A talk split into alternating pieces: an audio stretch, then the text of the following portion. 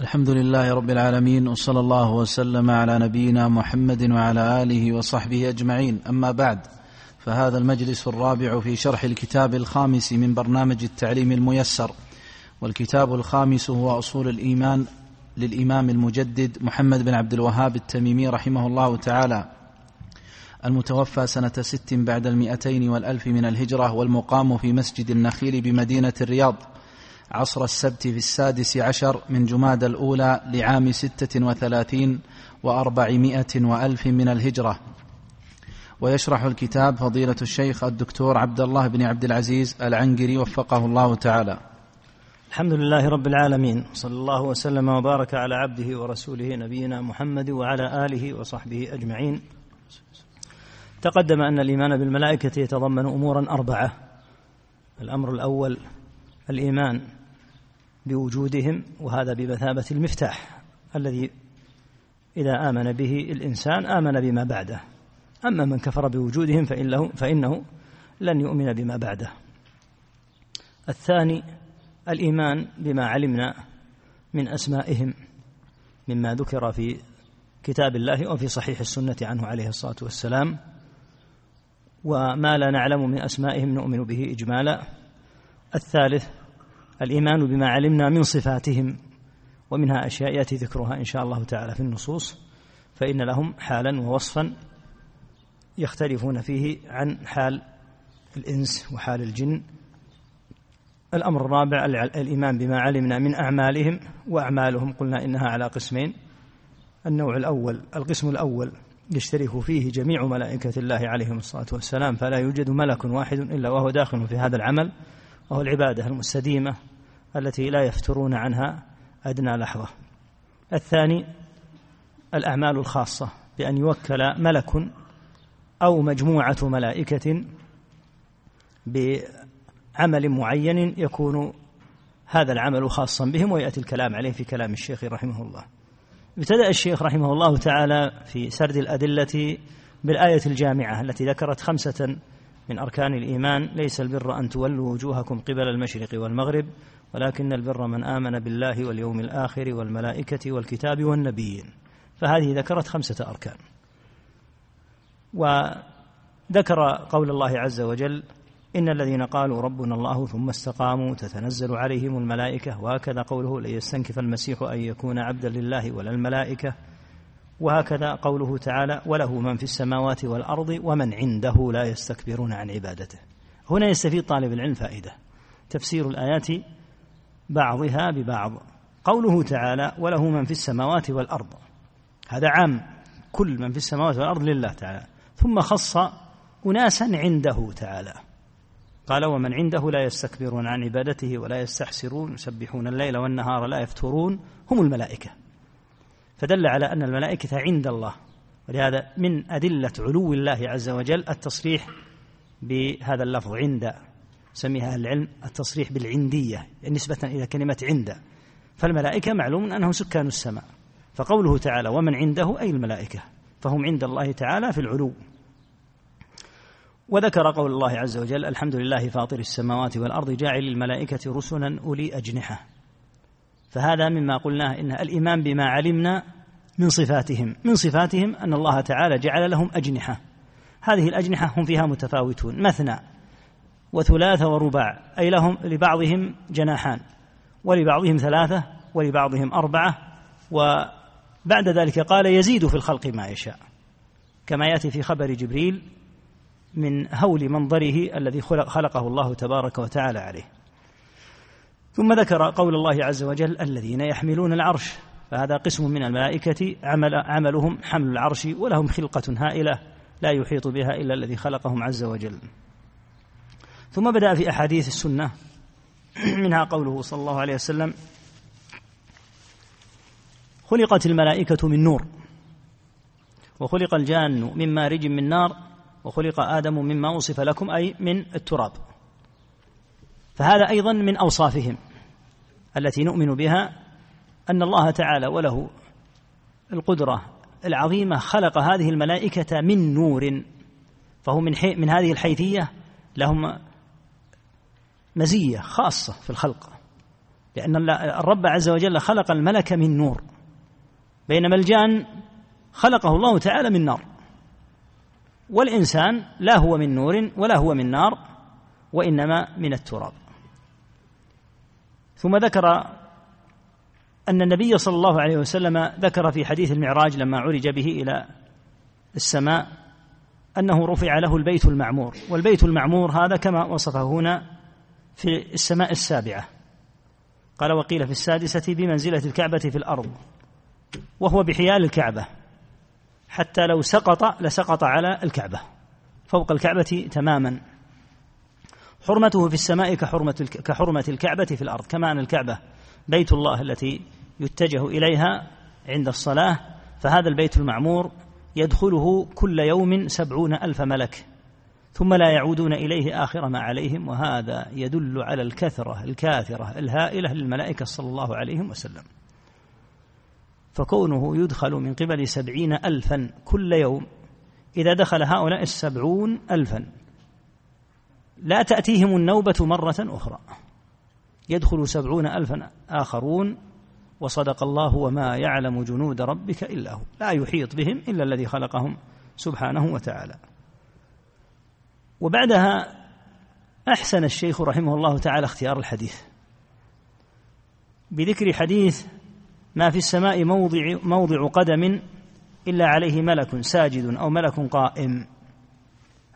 تقدم أن البيت المعمور يدخله هذا العدد العظيم. ما من موضع قدم إلا عليه ملك من ملائكة الله يؤدي عباده. ساجدا أو قائما قال فذلك قوله تعالى وإنا لنحن الصافون وإنا لنحن المسبحون. ولهذا المخلوقات الهائلة من ملائكة الله في السماء لا يحيط بهم إلا ربهم عز وجل.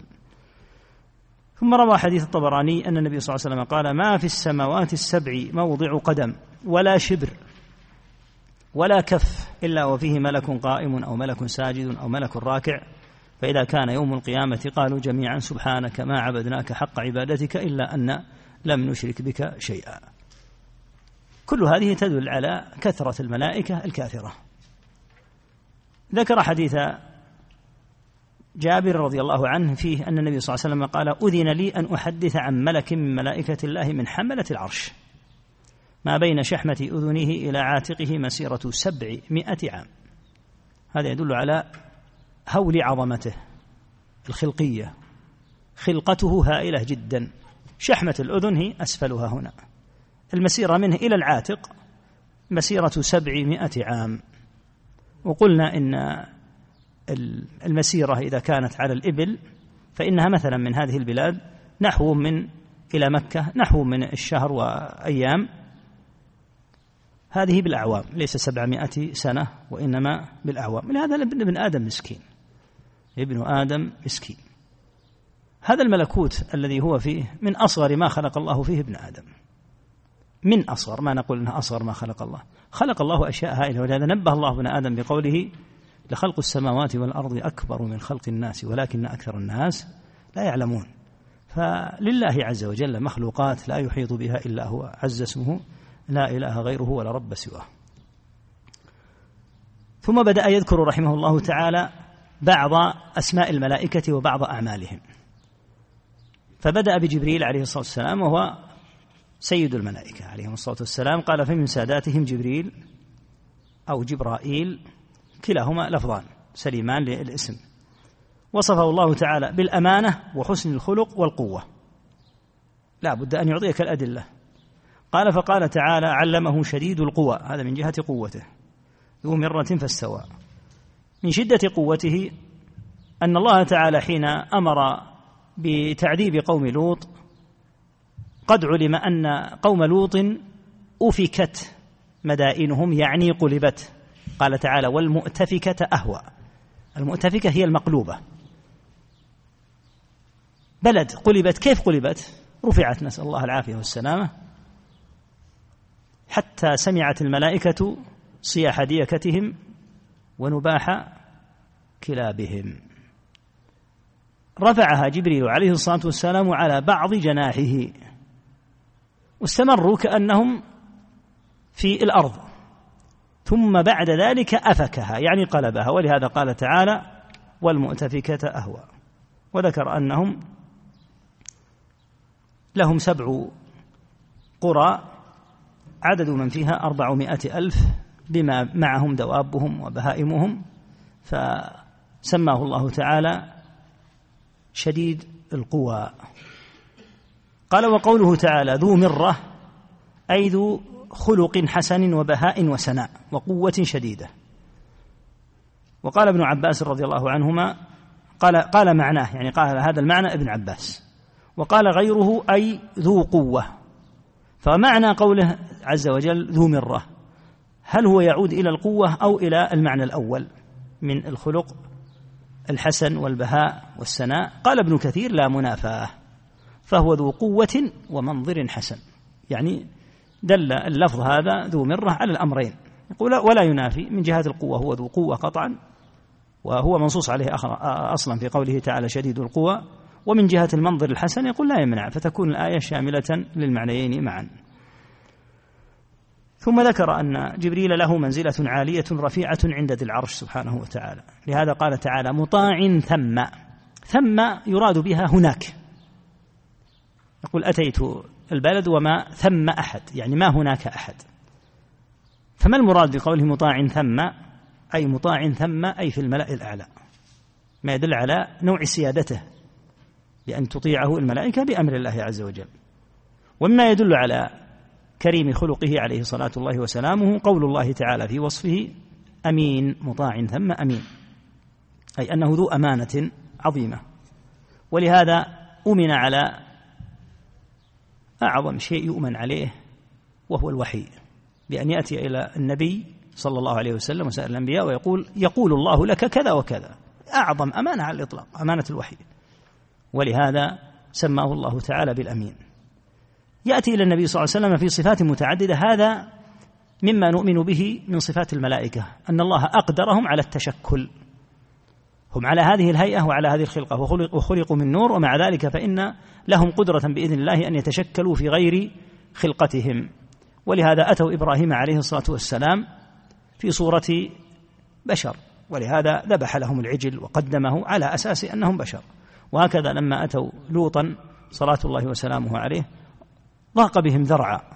وكان يعلم أنهم ملائكة ما ضاق بهم ذرعا لكنهم جاءوا على صورة شبان حسان ابتلاء من الله لقومهم الذين هم من أخبث الأمم. وأبى الله تعالى إلا أن يعذبهم بالعذاب الهائل لقدارة ما كانوا يصنعون من إتيان الرجال. فلهذا تشكلوا بأمر الله تعالى على هذه الخلقة.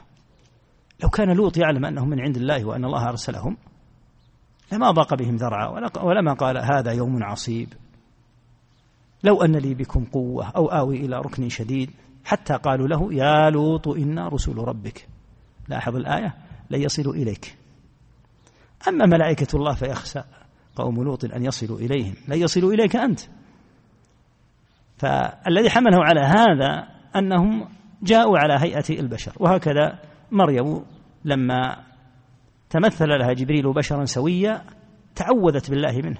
قالت إني أعوذ بالرحمن منك إن كنت تقيا. قال إنما أنا رسول ربك لأهب لك غلاما زكيا. فكانوا يتشكلون. ومن ذلك حديث عمر الطويل بينما نحن جلوس عند جلوس عند رسول الله صلى الله عليه وسلم إذ طلع علينا رجل شديد سواد الشعر شديد بياض الثياب الحديث أتاهم في صورة رجل وكان يأتي النبي صلى الله عليه وسلم كثيرا في صورة دحية الكلبي وكان من أجمل الرجال رضي الله عنه من الصحابة رضي الله عنهم. فهذا مما أقدرهم الله تعالى عليه أن يتشكلوا فيأتوا في صفات متعددة إليه صلى الله عليه وسلم. النبي صلى الله عليه وسلم رأى جبريل مرتين. المرة الأولى أول ما نزل عليه في أوائل ما نزل عليه بالوحي. ولهذا لما رآه صلى الله عليه وسلم بعد أن نزل بإقراء رآه بعد ذلك له ستمائة جناح كما يأتي قد سد الجناح الواحد منها الأفق. فلهذا رسول الله صلى الله عليه وسلم هو أشجع الناس لما رأى هذا المنظر لم يتمالك عليه الصلاة والسلام وسقط على الأرض. شدة خلقة هذا المخلوق الهائل سدت السماء بأسرها. لا ترى من مما جعل الله عز وجل من عظمة خلقة هذا الملك العظيم. الثانية لما عرج به إلى السماء إلى إلى السماء قال الله عز وجل ولقد رآه نزلة أخرى عند سدرة المنتهى. فرأى جبريل مرة أخرى فرآه مرتين كما في حديث ابن مسعود رضي الله عنه. ثم ذكر أن عبد الله والظاهر أنه ابن مسعود رضي الله عنه روى عنه الإمام أحمد أنه رأى أن رسول الله صلى الله عليه وسلم رأى جبريل في صورته وله ستمائة جناح كل جناح منها سد الأفق كل جناح سد الأفق يسقط من جناحه من التهاويل والدر والياقوت ما الله به عليم. من خلقة الله عز وجل له ومع ذلك يقدر أن يأتي في صورة رجل بأمر الله عز وجل. وهكذا حديثه أيضا أن النبي صلى الله عليه وسلم رأى جبريل في حلة خضراء قد ملأ ما بين السماء والأرض. وقال رأيت جبريل منهبطا قد ملأ ما بين الخافقين عليه ثياب سندس. معلق بها اللؤلؤ والياقوت. ما معنى جبريل؟ جبرائيل. إيل أي الله عز وجل. فيعقوب اسمه إسرائيل. ومعنى إسراء عبد. ومعنى إيل الله. وهكذا جبرا معناها عبد. وإيل الله سبحانه وتعالى. وهكذا ميكائيل. ميكائيل معناه عبيد الله قال ابن عباس رضي الله عنهما كل اسم فيه إيل فهو عبد الله مثل إسرائيل جبرائيل ميكائيل إيل يراد بها اسم الله عز وجل. ثم ذكر أن إسرافيل قال علي بن حسين رحمه الله إنه بمعنى عبد الرحمن والرحمن والله كلها أسماء لله عز وجل. ذكر حديث الطبراني أن النبي صلى الله عليه وسلم قال ألا أخبركم بأفضل الملائكة جبرائيل؟ ثم ذكر عن أبي عمران الجوني أنه بلغه أن جبرائيل أتى النبي صلى الله عليه وسلم وهو يبكي فذكر أن سببه أنه منذ أن خلق الله النار وهو يبكي خاف يخاف أن يقذفه الله تعالى فيها. مثل هذه الأخبار التي لا ترفع إلى النبي صلى الله عليه وسلم بسند متصل هي لم ترفع أصلا للنبي صلى الله عليه وسلم. وأبو عمران رحمه الله تعالى ليس من الصحابة.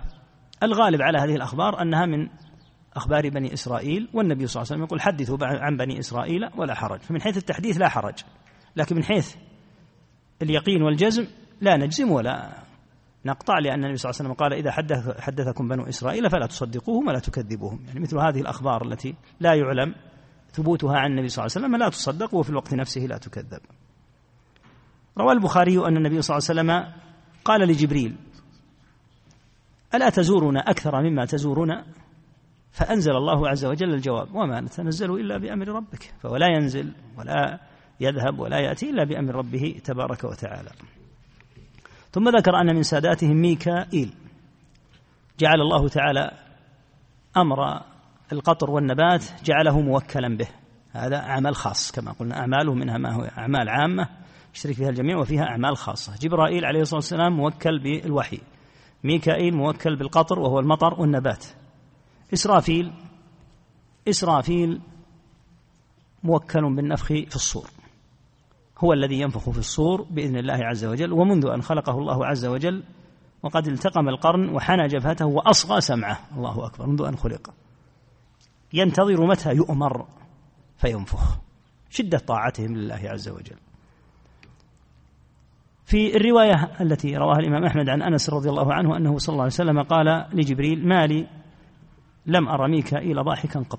قال ما ضحك ميكائيل منذ خلقت النار. الله أكبر. يدل على أنهم عليهم صلاة الله وسلامه أهل مراقبة لله عز وجل مع شهادة رب العالمين لهم بأنهم لا يعصون الله ما أمرهم ويفعلون ما يؤمرون. ومع ثناء الله عز وجل عليهم في مواضع من كتابه يسبحون الليل والنهار لا يفترون.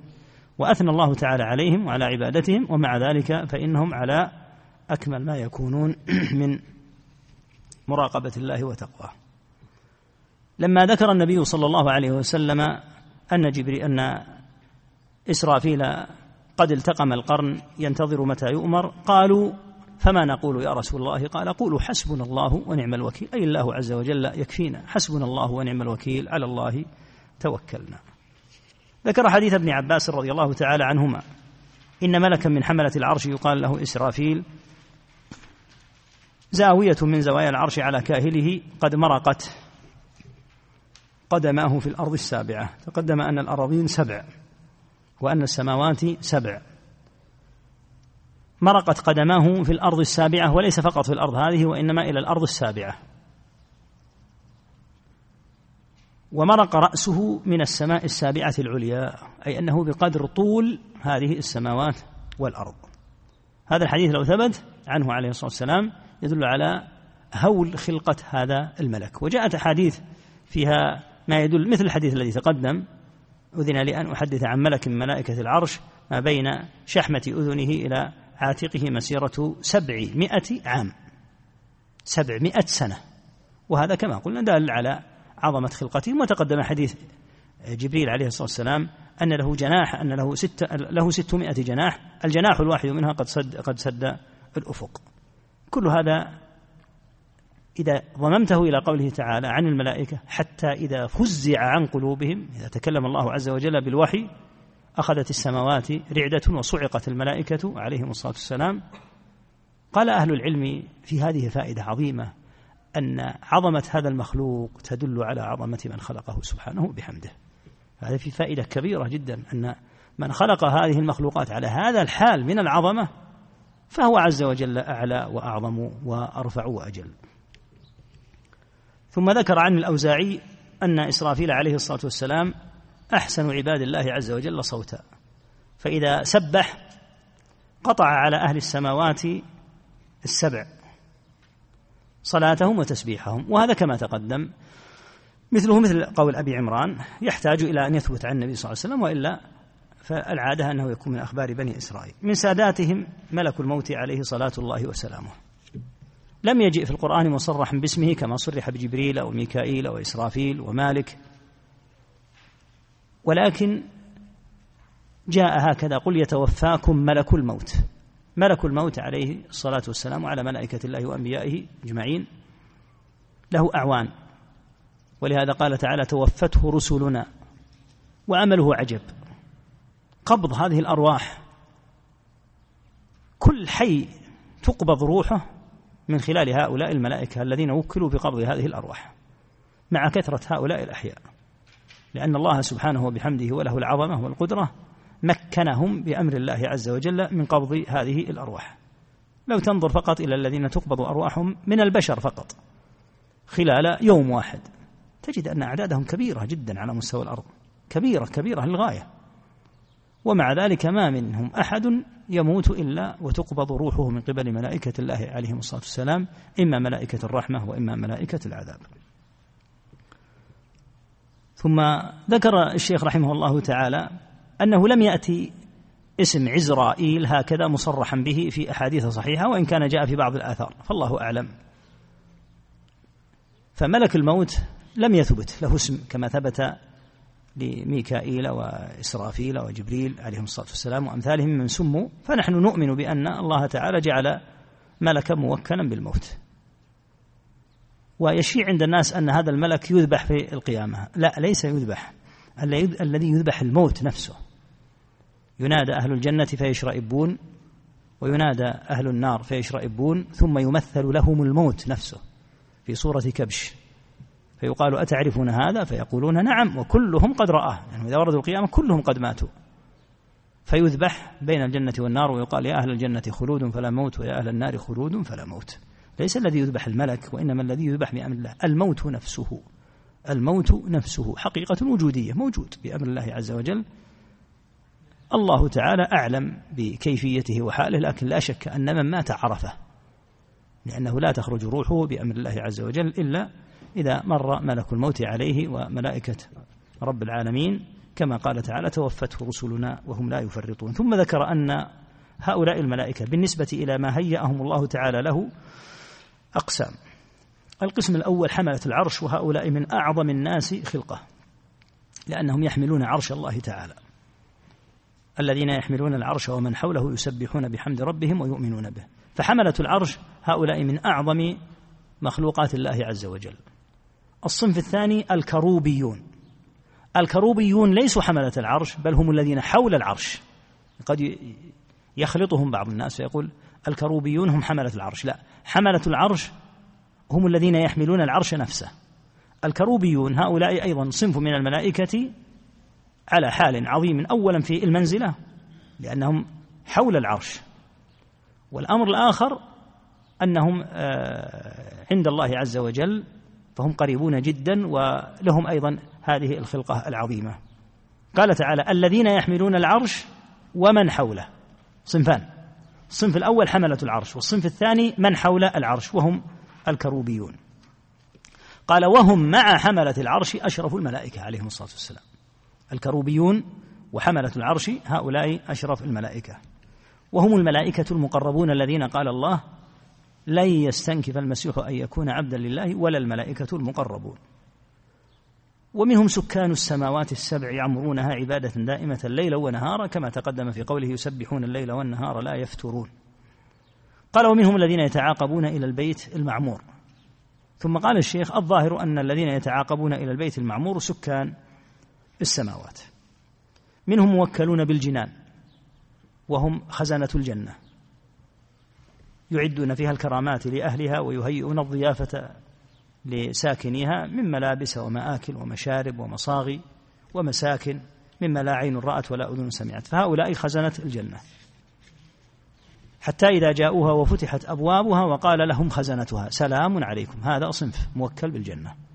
الصنف الثاني الصنف الآخر موكلون بالنار نعوذ بالله. حتى إذا جاءوها فتحت أبوابها وقال لهم خزنتها ألم يأتكم رسل منكم؟ هؤلاء الموكلون بالنار.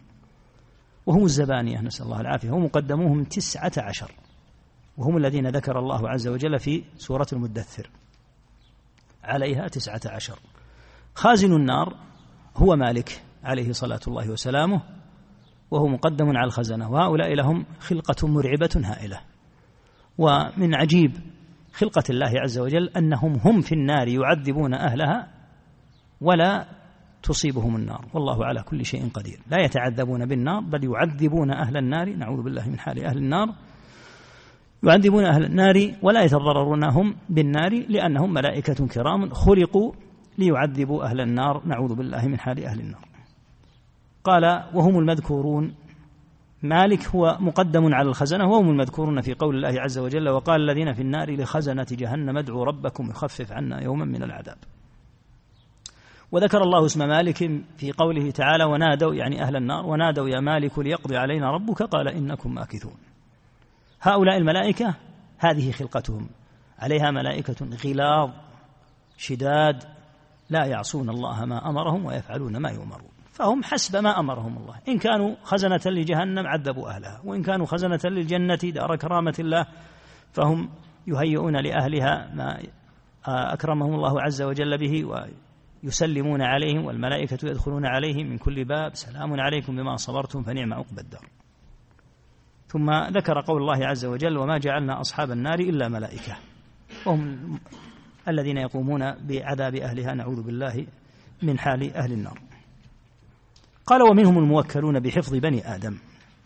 هذا الحفظ لبني آدم كل آدمي قد وكل الله تعالى به ملائكة. نص الله على أنهم من بين يديه ومن خلفه. وهؤلاء ليسوا الملائكة الذين يكتبون الأعمال لأن من الملائكة من هو موكل بكتابة الأعمال كما قال تعالى ما يلفظ من قول إلا لديه رقيب عتيد. هذا صنف آخر. يحفظون هذا الآدمي بأمر الله عز وجل. له معقبات من بين يديه الآدمي له معقبات من بين يديه ومن خلفه. ما عملهم يحفظونه من أمر الله.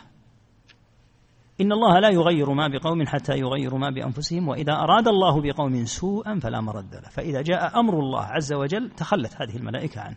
ملائكة الله عز وجل تحفظه بأمر الله عز وجل. فإذا جاء أمر الله للإنسان هلكة أو أمرا شاءه تعالى تتخلى عنه لأن أمر الله تعالى لا يرد.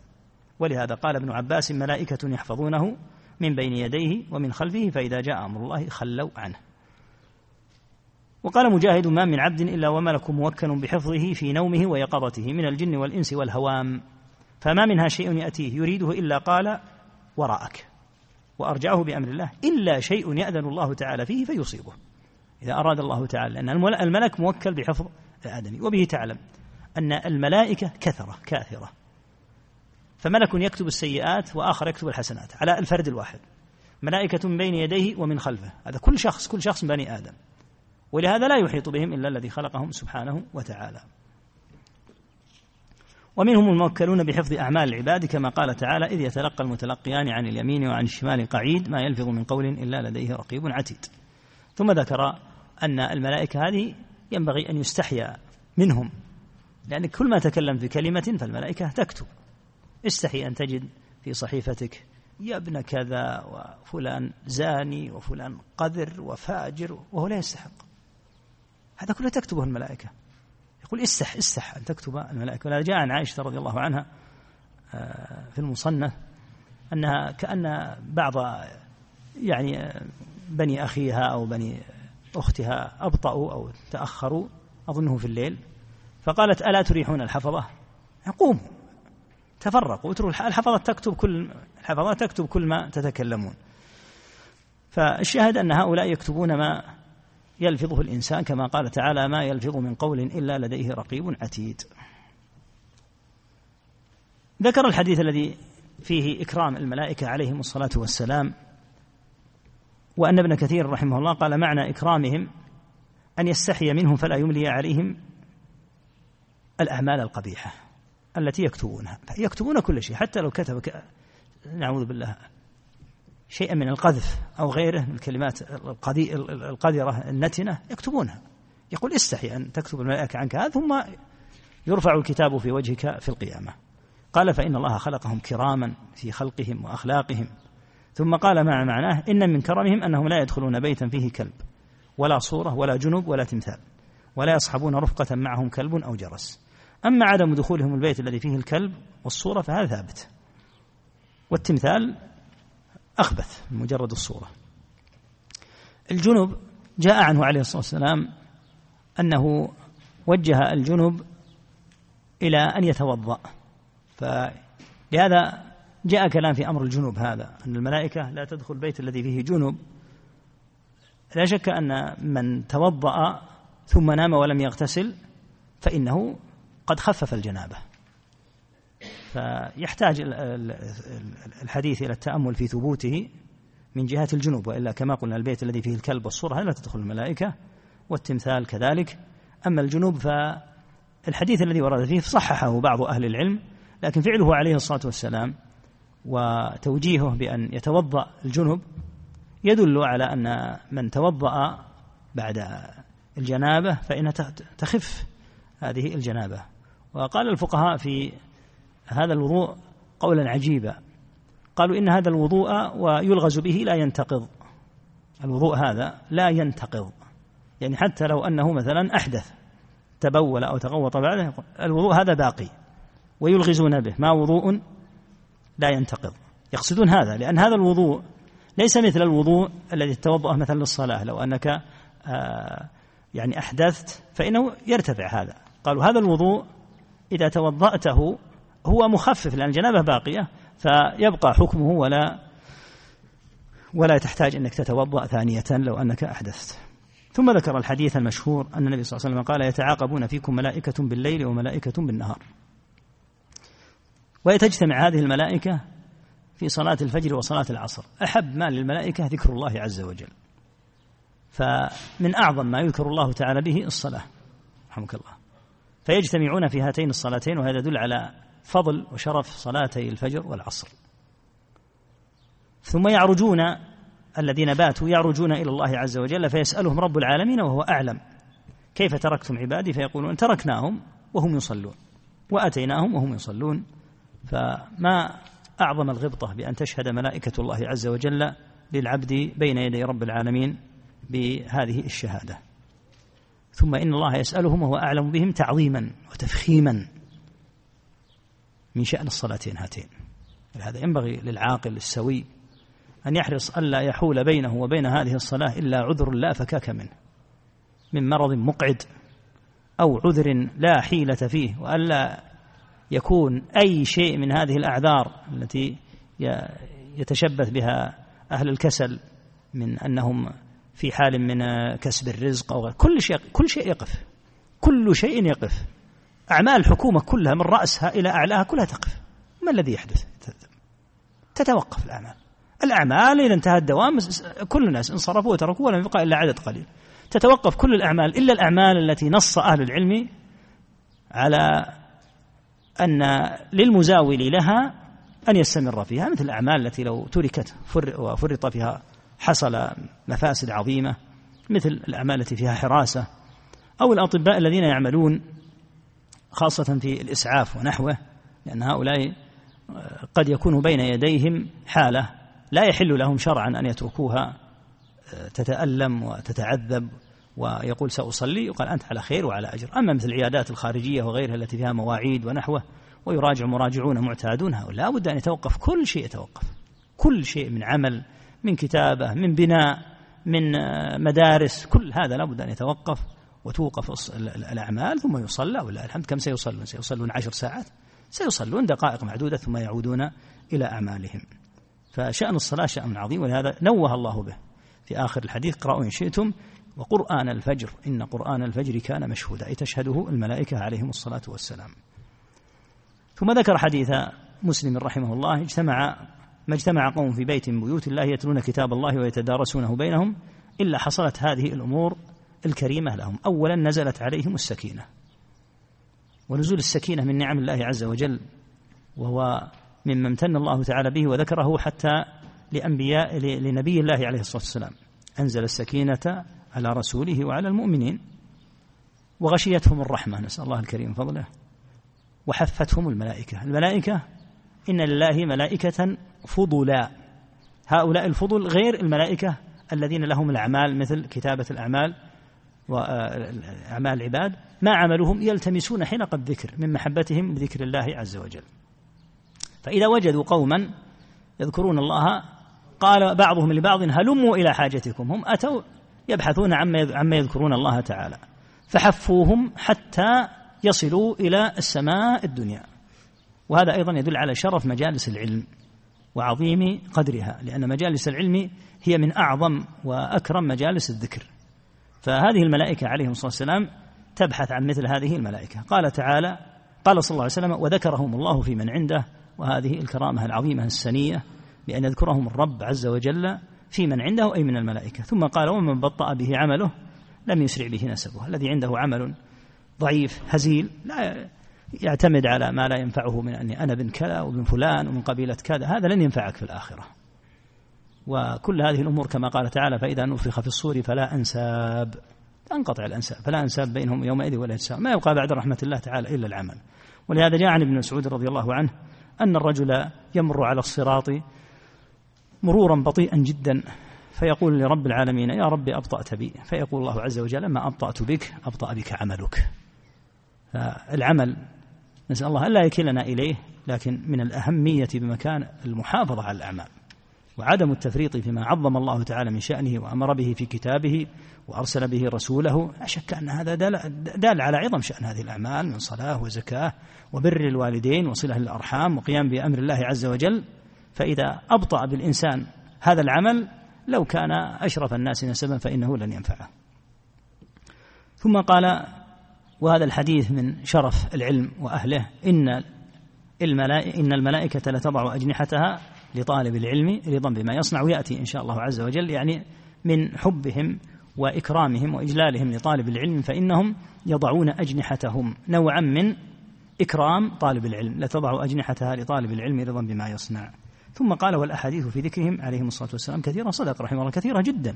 الأحاديث في هذا ولهذا أفرد بعض أهل العلم فيهم كتبا خاصة وذكر أهل العلم في أثناء كتب العقيدة شيئا من أعمالهم وتوسع في هذا بعضهم كالشيخ حافظ رحمه الله تعالى في معارج القبول وذكر أحاديث كثيرة وأعمالا. ففي الكلام في الملائكة الكلام في الملائكة يطول عليهم الصلاة والسلام. نعم. أحسن الله إليكم.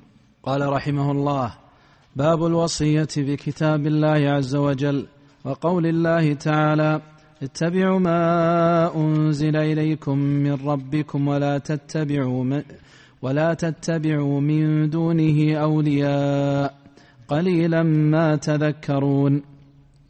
عن زيد بن أرقم رضي الله عنه أن رسول الله صلى الله عليه وسلم خطب فحمد الله وأثنى عليه ثم قال أما بعد ألا أيها الناس فإنما أنا بشر يوشك أن يأتيني رسول ربي فأجيب. ألا أيها الناس. ألا أيها الناس فإنما أنا بشر يوشك أن يأتيني رسول ربي فأجيب. وأنا تارك فيكم ثقلين أولاهما كتاب الله. ثقلين.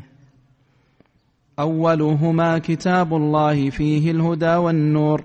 فخذوا بكتاب الله وتمسكوا به. فحث على كتاب الله ورغب فيه. ثم قال وأهل بيته وفي لفظ كتاب الله هو حبل الله المتين. من اتبعه كان على الهدى ومن تركه كان على الضلالة. رواه مسلم. وله في حديث جابر الطويل أن النبي صلى الله عليه وسلم قال في خطبة يوم عرفة وقد تركت فيكم ما لن تضلوا إن اعتصمتم به. كتاب الله وأنتم وأنتم تسألون عني فما أنتم قائلون. قالوا نشهد أنك قد بلغت وأديت ونصحت. فقال بإصبع بإصبعه السبابة يرفعها إلى السماء وينكتها إلى الناس. اللهم اشهد ثلاث مرات. وعن علي رضي الله عنه قال سمعت رسول الله صلى الله عليه وسلم يقول ألا إنها ستكون فتنة؟ قلت ما المخرج منها يا رسول الله؟ قال كتاب الله فيه نبأ من كان فيه نبأ ما كان قبلكم وخبر ما بعدكم وحكم ما بينكم هو الفصل ليس بالهزل من تركه من جبار قصمه الله. ومن ابتغى الهدى من غيره أضله الله وهو حبل الله المتين وهو الذكر الحكيم وهو الصراط المستقيم هو الذي لا تزيغ به الأهواء ولا تلتبس به الألسنة ولا ولا تشبع منه العلماء ولا يخلق عن كثرة الرد ولا تنقضي عجائبه هو الذي لم تنتهي الجن إذا سمعته هو الذي. هو الذي لم تنته الجن إذ سمعته حتى قالوا إنا سمعنا قرآنا عجبا يهدي إلى الرشد فآمنا به. من قال به صدق ومن عمل به أجر. ومن حكم به عدل ومن دعا إليه هدي إلى صراط مستقيم. رواه الترمذي وقال غريب. وعن أبي الدرداء رضي الله عنه مرفوعا ما أحل الله في كتابه فهو حلال وما حرم فهو حرام وما سكت عنه فهو عافية فاقبلوا من الله عافيته فإن الله لم يكن لينسى شيئا. ثم تلا وما كان ربك نسيا. رواه البزار وابن أبي حاتم والطبراني. وعن ابن مسعود رضي الله عنه أن رسول الله صلى الله عليه وسلم قال ضرب الله مثلا صراطا مستقيما وعلى جنبتي وعلى جنبتي الصراط سوران فيهما أبواب مفتحة وعلى الأبواب ستور مرخاة وعند رأس الصراط داع يقول استقيموا على الصراط ولا تعوجوا وفوق ذلك داع يدعو كلما هم عبد أن يفتح شيئا من تلك الأبواب. قال ويحك لا تفتحه فإنك إن تفتحه تلج تلجه تلجه. تلجه. أحسن الله إليكم. إنك فإنك إن تفتحه تلجه. ثم فسره فأخبر أن الصراط هو الإسلام وأن الأبواب المفتحة محارم الله وأن الستور المرخاة حدود الله وأن الداعي على رأس الصراط هو القرآن وأن الداعي من فوقه هو واعظ الله في قلب كل مؤمن. رواه رزين ورواه أحمد والترمذي عن النواس بن سمعان بنحوه. وعن عائشة رضي الله عنها قالت تنا رسول الله صلى الله عليه وسلم هو الذي أنزل عليك الكتاب منه آيات محكمات هن أم الكتاب. فقرأ إلى قوله وما يذكر إلا أولو الألباب. قالت قال فإذا رأيتم الذين يتبعون ما تشابه منه فأولئك الذين سمى الله فاحذروهم. متفق عليه. وعن عبد الله بن مسعود رضي الله عنه قال خط لنا رسول الله صلى الله عليه وسلم خطا بيده ثم قال هذا سبيل الله. ثم خطا خطوطا ثم خط خطوطا عن يمينه وعن شماله وقال هذه سبل على كل سبيل منها شيطان يدعو إليه. وقرأ وأن هذا صراطي مستقيما فاتبعوه ولا تتبعوا السبل فتفرق بكم عن سبيله. ذلكم وصاكم به لعلكم تتقون. رواه أحمد والدارمي والنسائي. وعن أبي هريرة رضي الله عنه قال كان ناس من أصحاب النبي صلى الله عليه وسلم يكتبون من التوراة فذكروا ذلك لرسول الله صلى الله عليه وسلم فقال إن أحمق الحمق وأضل الضلالة قوم رغبوا عما جاء به نبيهم إليهم إلى نبي غير نبيهم وإلى أمة غير أمتهم ثم أنزل الله أولم يكفهم أنا أنزلنا عليك الكتاب يتلى عليهم إن في ذلك لرحمة وذكرى لقوم يؤمنون. رواه الإسماعيلي في معجمه وابن مردويه. مردويه. مردويه. وعن عبد الله بن ثابت بن الحارث الأنصاري رضي الله عنه قال دخل عمر رضي الله عنه على النبي صلى الله عليه وسلم بكتاب فيه مواضع من التوراة. فقال هذه أصبتها مع رجل من أهل الكتاب أعرضها عليك. فتغير وجه رسول الله صلى الله عليه وسلم تغيرا شديدا. لم أر مثله قط. فقال عبد الله بن الحارث لعمر رضي الله عنهما ما ترى وجه رسول الله صلى الله عليه وسلم فقال فقال عمر رضينا بالله ربا وبالإسلام دينا وبمحمد نبيا فسري عن رسول الله صلى الله عليه وسلم وقال لو نزل موسى فاتبعتموه وتركتموني لضللتم أنا حظكم من النبيين وأنتم حظي من الأمم. رواه عبد الرزاق وابن سعد والحاكم في الكنى.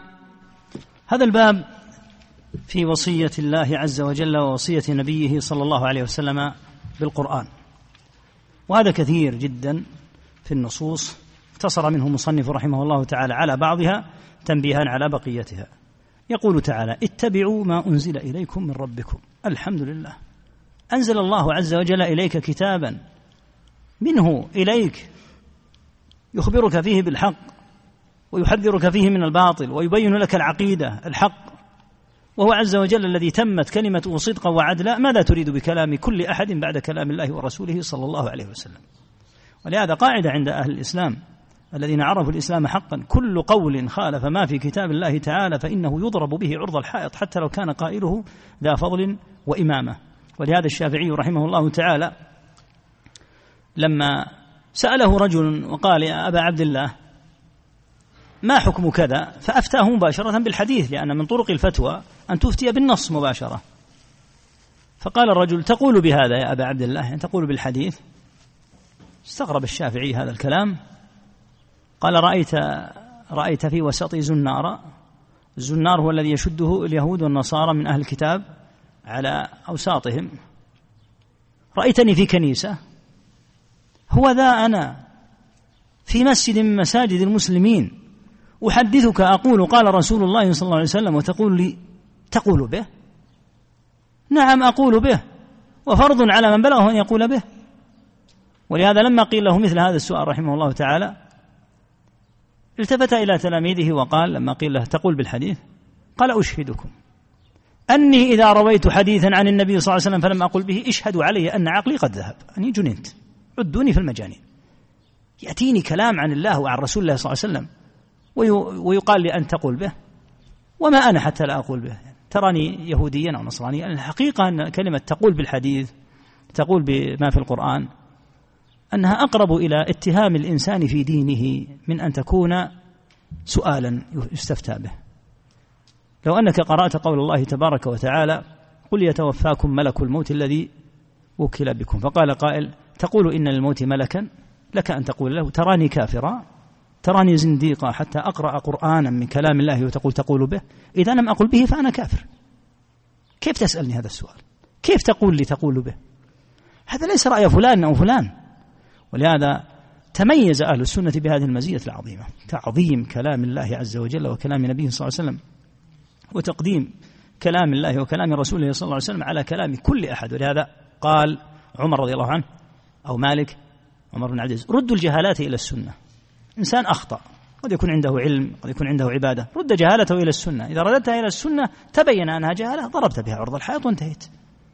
فلهذا الأمر بلزوم القرآن ولزوم السنة لم يحققه في أمة الإسلام حقا إلا الذين لزموا مسلك, مسلك نبيهم صلوات الله وسلامه عليه. وهذا يحتاج منك إلى علم حتى تعرف كلام الله وتعرف معانيه وتعرف كلام رسول الله صلى الله عليه وسلم طريقة الصحابة رضي الله عنهم في فهمه. ولهذا هذه مسألة من مسائل المفاصل الكبار بين الإيمان والكفر والسنة والبدعة والهدى والضلال. لزوم هذه الآيات العظيمة واتباع ما أنزل الله تعالى ولا تتبعوا من دونه أولياء. في نفس الموضع الذي أمرنا فيه باتباع ما أنزل الله نهينا أن نتبع من دون الله تعالى أولياء. ثم ذكر حديث زيد رضي الله عنه أن النبي صلى الله عليه وسلم خطب قال أيها الناس فإنما أنا بشر يوشك أن يأتيني رسول ربي فأجيب. يعني فأموت. وأنا تارك فيكم ثقلين. أولهما كتاب الله. ما الذي في كتاب الله؟ فيه الهدى والنور. وإذا كان فيه الهدى فمن أخذ به فسيهتدي. وإذا كان فيه النور فمن أخذ به سيستنير له الطريق ويعرف الفصل في المسائل التي اختلف فيها. اهدني لما اختلف فيه من الحق بإذنك. فهدى الله الذين آمنوا لما اختلفوا فيه من الحق بإذنه. فالهداية تكون من خلال النصوص. فخذوا بكتاب الله وتمسكوا به فحض حتى على كتاب الله ورغب فيه. ثم قال وأهل بيتي. أي أنه تارك فيهم أهل بيته صلى الله عليه وسلم من قرابته صلى الله عليه وسلم ومن أهل بيته أمهات المؤمنين رضي الله تعالى عنهن وأرضاهن. فيجب أن يرعى للنبي صلى الله عليه وسلم حقه كما سيأتي ويرعى أيضا لأهل بيته الكرام من قرابته المؤمنين وعلى رأس قرابته أمهات المؤمنين اللاتي سماهن الله باسم شريف. لا نظير له لأن الأمومة تأتي من الرضاعة أو من النسب. فكيف تكون أما من قريش فكيف تكون امرأة من قريش أما لرجل في العجم؟ جمعهم أعظم جامع وأجل من الأمومة وأجل من الرضاعة وهو جامع الإيمان. سماهن الله تعالى النبي أولى بالمؤمنين من أنفسهم وأزواجه أمهاتهم. وهكذا بقية القرابة الكرام من قرابة النبي صلى الله عليه وسلم. وهكذا أيضا أصحابه الأجلة رضي الله تعالى عنهم وأرضاهم فإن النصوص عموما في كتاب الله وفي سنة نبيه صلى الله عليه وسلم حثت على رعاية حق على رعاية حق حق هؤلاء الكرام. الذين هم أولى بالإكرام من غيرهم لقرابتهم من النبي صلى الله عليه وسلم ولصحبتهم له صلى الله عليه وسلم. وجاء في الحديث أن كتاب الله فسر به قوله تعالى واعتصموا بحبل الله فقيل إن حبل الله هذا هو القرآن. وقيل إنه النبي صلى الله عليه وسلم وقيل إنه, إنه الإسلام. وكل هذه أشياء متلازمة. أن القرآن من دين الله والنبي صلى الله عليه وسلم مبلغ ما أنزله الله. من اتبعه كان على الهدى ومن تركه كان على الضلالة. وفي حديث جابر الطويل مراده بالطويل هنا الحديث الطويل الذي ساقه جابر رضي الله عنه في آه، وصف حجة النبي صلى الله عليه وسلم. لما ذكر خطبته في عرفة ذكر أن النبي صلى الله عليه وسلم قال تركت فيكم ما لن تضلوا إن اعتصمتم به. كتاب الله.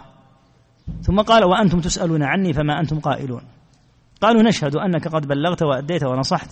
فقال بأصبعه السبابة يرفعه إلى السماء هكذا عليه الصلاة والسلام. يعني أنه رفع أصبعه هكذا. وينكتها إلى الناس أن يعيدها إليهم ثانية يقول اللهم اشهد.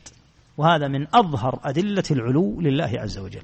لأنه خطب في أكثر من مئة ألف عليه الصلاة والسلام. وقال أمامهم مستشهدا الله مشيرا إليه أنه في العلو اللهم اشهد. يعني اللهم اشهد عليهم ثلاث مرات أني قد بلغت. وعن علي رضي الله عنه قال سمعت رسول الله صلى الله عليه وسلم يقول ألا إنها ستكون فتنة. الحديث هذا الحديث من رواية الحارث الأعور ولا يثبت مرفوعا عن النبي صلى الله عليه وسلم وقد يكون من كلام علي رضي الله عنه لأنه وصف دقيق ومستقيم للقرآن العظيم لكن لا يثبت عنه عليه الصلاة والسلام أنه ستكون فتن فسئل ما المخرج فيها فقال المخرج كتاب الله. ما الذي فيه؟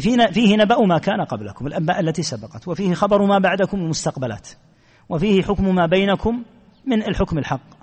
هو الفصل ليس بالهزل. ولهذا ينبغي دائما عند مسائل القرآن وقراءته وتلاوته وبيان أحكامه والسنة عموما والعلم أن يلاحظ فيها الفصل وعدم الهزل والنكات والأساليب التي تستخدم من قبل من قل نصيبه من العلم. الموضع موضع فصل. قال الله عز وجل إنه لقول فصل وما هو بالهزل. لا يخلط بضحك الضاحكين حتى أنه يسمع بعض الأحيان ضحكات كأنهم كأنهم في موضع يعني نسأل الله العافية كأنهم أهل السفه من أهل التمثيل وأهل الأغاني. يضحكون ماذا عند هؤلاء؟ هذه محاضرة. أي محاضرة؟ محاضرة في هذا الضحك هذا الضحك المتوالي ثم يقال إنه يؤتى لشرح كتاب الله. كتاب الله ينزه ينزه والعلم ينزه عن أن يجتلب به هذه الأساليب التي وقع فيها من قل نصيبه من العلم. العلم العلم ليس موضعا لإضحاك الناس. ولهذا كان أحد قضاة المدينة يضحك الناس. فمر سفيان الثوري وكان من أعظم أهل العلم رحمه الله تعالى أمر بالمعروف ونهيا عن المنكر. وكان يبدو أنه يجتمع الناس عنده فعنده نوع من المزاح والضحك. فلما مر به سفيان رحمه الله قال له يا شيخ أما علمت أن لله يوما يخسر فيه المبطلون؟ يريد قول الله تعالى ويوم تقوم الساعة يومئذ يخسر المبطلون. يعني ماذا تفعل أنت؟ هذا فعل البطالين وأهل العطالة لا يليق بك. يقول فلم تزل تعرف فيه حتى لقي الله. يعني تأثر من هذه الكلمة. ويوم تقوم الساعة يومئذ يخسر المبطلون. ينبغي أن يفرق بين الإنسان إذا جلس في مجالس في استراحات وفي مجالس مع أهله وإخوانه في بر ونحوه. هذه مجالس يكون فيها شيء من الرحابة ويكون فيها شيء من المزاح المنضبط الذي ليس فيه كذب وليس فيه استخفاف واستهزاء والمزاح المنضبط على وفق الشرع. لكن ينقل المزاح وينقل ما عند البطالين إلى مجالس العلم لا والله ما يفعل هذا إلا من قل نصيبه من العلم. ولهذا تجد أن أهل العلم لهم سمت تجد أن لهم السمت انظر سمت الشيخ عبد العزيز رحمه الله الشيخ محمد وأمثالهم على حال من السمت والأدب. وحتى لو وجدت أشياء قد توجب نوعا من آه، الابتسام أو نحو ذلك هذه تكون أشياء تعرض عرضا عروضا كما كان قد يؤتى في مجلس النبي صلى الله عليه وسلم فيقول النبي صلى الله عليه وسلم الكلمة فيبتسم صلى الله عليه وسلم من كلمة أحد الصحابة من آثار يعني كلمة قالها أو نحوه لكن المواضع التي فيها الجد وفيها الشرح والبيان لكلام الله وكلام رسوله صلى الله عليه وسلم أمور الجنة والقبر ونعيمه وعذابه. ما المزاح هنا؟ ما موضع المزاح هنا؟ ليس للمزاح هنا موضع لكن لو مر شيء يعرض مثل ما حدث النبي صلى الله عليه وسلم عن رجل من أهل الجنة اشتهى الزرع. حديث في البخاري. فقال الله عز وجل يا ابن آدم وأنت فيما, فيما هنا؟ في هذه النعمة وفي هذا يشتهي الزرع. الزرع معروف أن فيه الكد والتعب والكلفة. ولأن الجنة إذا اشتهى الإنسان فيها شيئا فإنه يناله مباشرة. فحقق الله تعالى له مراده. يقول صلى الله عليه وسلم فبادر الطرف بذره واستواءه واستحصاده. الله أكبر. بادر الطرف بادر العين. بذر واستوى وحصد فصار كأمثال الجبال. فقال الله تعالى دونك يا ابن آدم فإنه لا يشبعك شيء. فقال رجل من الأعراب للنبي صلى الله عليه وسلم والله لا تجد هذا منا لا تجده إلا أعرابي إلا, إلا أنصاريا أو مهاجريا فإنهم أصحاب زرع وأما نحن فلسنا أصحاب زرع. فتبسم النبي صلى الله عليه وسلم. يعني مثل هذه المواضع التي يحدث فيها مثل هذا توجب شيئا من التبسم لأن هذا الرجل يقول نحن معاشر البادية ليس هذا الرجل منا. وهنيئا له أن يكون من أهل الجنة لكن يقول ليس منا. لما؟ استنبطه استنباط يقول نحن أهل البادية ما عندنا زرع. هذا الرجل إما أنه من الأنصار أو من المهاجرين. يعني سيكون أهل الجنة لكن هم الذين يشتهون الزرع ويتذكرون الزرع. مثل هذه المواضع التي تأتي تجد أنها مواضع تمر مرورا لكن لا تتكلف. أجمع الناس ليلقي محاضرة وأقول قال الله وقال رسول الله صلى الله عليه وسلم وبعد فترة يهيج المكان صراخا وضحكا. ينبغي أن يرفع كلام الله عز وجل وكلام رسوله صلى الله عليه وسلم عن مثل هذا لكن إذا دخل في العلم من ليسوا من أهله قلبوا هذه المسائل إلى هذا الوضع. هذا كما يقول السلف بعض السلف يقول يجلس الرجل إلى العالم يجلس الرجل الرجل إلى العالم المجلس الواحد فما يقوم حتى يعلق منه بشيء يعلق منه بحكم فقهي بأمر متعلق بالعقيدة. تجد أن هذا الشخص حتى لو كان عميا لو سألته قال أنا استفدت اليوم كذا ويجلس ويجلس إلى القاص سنة لا يعلق منه بشيء. أخبار وقصص وأحوال وربما ما يسمونه طرائف وكذا. لأن القاص ما عنده علم وإنما عنده أخبار وقصص وقال وقيل واتصل بفلان اتصلت بفلانة. فينبغي لطالب العلم أن يتفطن لطريق العلم كما سيأتي إن شاء الله عز وجل العلم والسلوك الذي ينبغي أن يسلكه في تحصيل هذا العلم. ولهذا هو الفصل ليس بالهزل. حبل الله المتين لا تشبع منه العلماء. يقول عثمان رضي الله عنه لو طابت قلوبكم ما شبعتم من كتاب الله. ومن عجب عثمان رضي الله عنه أنه كان يختم القرآن في ليلة. مو في ثلاث ليال في, في ليلة واحدة. يعني أنه كان يستغرق القرآن ليله معظمة. وإن كان النبي صلى الله عليه وسلم أمر أن يختم القرآن في لا لا تقل ختمته في ثلاث. لكن الشاهد منها الفرق والبون الكبير بيننا وبينهم. ليس الكلام الآن في موضوع أن يختم في ليلة. النبي صلى الله عليه وسلم سنته مقدمة على كل أحد. لكن انظر إلى قوله لو طابت قلوبكم ما شبعتم من القرآن. لأنه جاء إلى عند في, في, في مكة جاء إلى عند مقام إبراهيم يقول الراوي فكبر. ولم يوتر إلا ركعة واحدة. ركعة واحدة يوترها عثمان. صحابي نعم لكنه قرأ فيها القرآن كله. بدأ بالفاتحة وانتهى بالناس رضي الله تعالى عنه وأرضاه. لأنه سيقرأ القرآن كله. فلهذا جعل قراءته مرة واحدة رضي الله تعالى عنه وأرضاه. إذا طاب القلب لم يشبع من القرآن. تجد الإنسان إذا قام وضع المصحف يضعه وقلبه متعلق به. يعني يود وفي بعض الأحيان يقول سأقرأ منه مقدار كذا لكن يقول بل سأزيد. هذه طبيعة من تعلقت قلوبهم بالقرآن. لهذا قال لا تشبع منه العلماء لا يشبع من القرآن. ومع ذلك لا يخلق عن كثرة الرد. يعني قرأت مثلا اليوم سورة القيامة ثم قرأتها ثانية. ما تمل مثل ما لو أنك قرأت كلاما من كلام الناس أو غير ثم قرأته أخرى. وهكذا إذا ختمت القرآن ما تقول أنا ختمته سأستريح سأجلس فترة لا أقرأ القرآن. أبدا تتشوف إلى ختمته ثانية. ما فيه من العظمة هو لأجل ما ينبغي أن يحرص عليه أيها الإخوة. القرآن الحرف منه بعشر حسنات. وأحرفه ثلاثمائة وواحد ثلاثمائة ألف. وواحد وعشرون ألفا ومائة وواحد وثمانون حرفا. كما ذكر ابن كثير. ثلاثمائة وواحد وعشرون ألفا ومائة وواحد وثمانون. إذا ختمت القرآن مرة وقبل الله منك ثلاثمائة ألف وواحد وعشرون في عشر حسنات الختمة الواحدة تزيد على ثلاثة ملايين حسنة. إن الله إن الله تعالى قبل. لهذا كن حالا مرتحلا. كل ما انتهيت من ختمة استعن بالله واختم ثانية. لا تنقضي عجائبه. من عجائب القرآن العظيمة أنك تقرأ مثلا سورة التوبة. تقرأها عدة مرات في حياتك.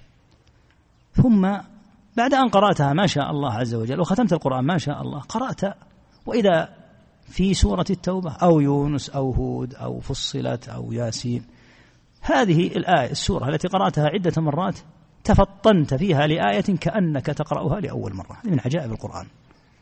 وتجد فيها من أعظم ما في القرآن وهذا ينبغي أن يتفطن له طالب العلم أعظم ما يرد به على كل مبطل بدون استثناء ملحد نصراني يهودي رافضي صوفي أعظم الحجج في القرآن. لكن لا يتفطن لها إلا من قبل من تدبرها. عجائب الردود القرآنية عجيبة للغاية ومزيتها أنها تدحض دحضا. تقطع. ما في مجال أنك تقول الله هذه حجة قالها فلان من الناس ورد عليها أحد. لا يمكن أن يرد على كلام الله عز وجل وينقض معاذ الله. فلهذا كل ما أقبل طالب العلم على القرآن كان هذا من دلائل توفيقه. من دلائل التوفيق ولهذا يعتب على طالب العلم الذي يمضي عليه شهر لا يختم كتاب الله. كم سيأخذ منك يعني؟ تعجز أن تجعل نصف ساعة يوميا تقرأ فيها القرآن. لو فرقتها نصف الساعة صليت من الليل ربع ساعة. وبعد أن صليت أحد الفروض في المسجد قرأت عشر دقائق. في بيتك قرأت دقائق. وفي طريقة الحقيقة طيبة جدا لختم القرآن وهي أن تجعل قراءتك داخل النوافل. تريد أن تصلي الضحى. أنت مثلا وقفت على سورة تبارك. اقرأ من تبارك. أتيت في الليل اقرأ بعد ذلك من نون بحيث تجعل قراءتك مستديمة وهكذا في صلواتك. وليس معنى هذا أنك تلتزم هذا ليس لزاما. في بعض الأحيان تقرأ من ختمتك ومن غير ختمتك لكن هذا لا شك أنه يجعلك تقرأ. هكذا الآن في مثل هذه الأوقات قد يسافر يعني بعض الناس سفرات طويلة ويبقى في السيارة الناس الآن قد يبقى الواحد منهم في السيارة بالساعات. فرصة. اقرأ من كتاب الله عز وجل ولا سيما إذا كان الوضع متهيئا. يعني قد يمشي الإنسان في طريق يستمر فيه الطريق سالك. ليس مثل الطرق التي فيها توقفات وفيها إشارات. اقرأ اقرأ لا تكف. أو اقرأ ما يسر الله عز وجل. واجعل هذا من ضمن قراءتك. وستجد أن الختمة الواحدة في كتاب الله من في الشهر من أيسر ما يكون. سهلة جدا. لكن إذا وضعت دونها شيئا من آه، العقبات وتصورتها عسرة لن تختم ولا في خمسين ولا في ستين يوما. لكن لو أن الإنسان أقدم وجرب وينبغي أن يقرأ أيضا طالب العلم قراءته ليست كقراءة العام يفتح المصحف يوما على الإسراء ويقرأ. ثم الفرض الذي يقرأ منها مثلا عشرين آية ثم الفرض الذي بعده يفتح ياسين ويقرأ. اقرأ قراءة بختمة. هكذا كان الصحابة رضي الله عنهم يقرؤون. اقرأ قراءة بختمة تبدأ بالفاتحة وتنتهي بالناس. وتمر على جميع كتاب الله عز وجل وتستمر على هذا الحال. في حديث أبي الدرداء رضي الله عنه أن الحلال والحرام مبين. ما أحل الله في كتابه فهو حلال وما حرم فهو حرام وما سكت عنه فهو عافية. وهكذا الوارد أيضا في النصوص في السنة. الذي هو ما الحلال؟ الذي أحله الله ورسوله صلى الله عليه وسلم. ما الحرام؟ ما حرمه الله ورسوله. الذي سكت الله عنه فلم يحرمه. هو عافية لا تنقب ولا تشدد. الله تبارك وتعالى حين لم يذكره لم يكن حاشاه سبحانه وتعالى لم يكن ناسيا. لهذا قال فاقبلوا من الله عافيته فإن الله لم يكن لينسى شيئا ثم قرأ وما كان ربك نسيا. ذكر بعد ذلك حديث ابن مسعود رضي الله عنه وفي هذا المثال العظيم ضرب الله مثلا صراطا مستقيما وعلى جنبتي الصراط سوران فيهما أبواب مفتحة. هذان السوران كل سور فيه أبواب مفتحة. هذه الأبواب المفتحة عليها ستور مرخاة عند رأس الصراط داع يقول استقيموا على الصراط ولا تعوجوا. وفوق ذلك داع يدعو كلما هم عبد أن يفتح شيئا من تلك الأبواب قال ويحك لا تفتحه فإنك إن تفتحه تلجه أي تدخله. ثم فسر صلى الله عليه وسلم الصراط وهذه الأبواب.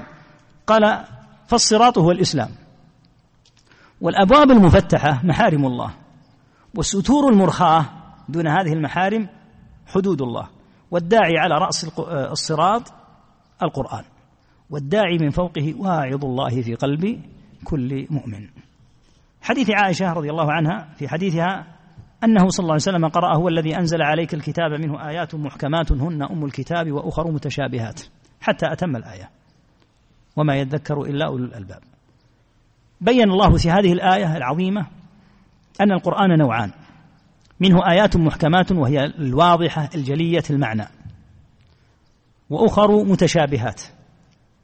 لا يتضح معناها إلا إذا ردت إلى الآيات المحكمات. فإذا ردت إلى الآيات المحكمات تجلى وتبين معناها.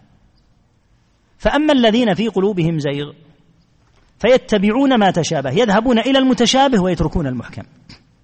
ماذا يريدون؟ ابتغاء الفتنة وابتغاء تأويله. يريدون الفتنة. قال تعالى وما يعلم تأويله إلا الله. هنا وقف.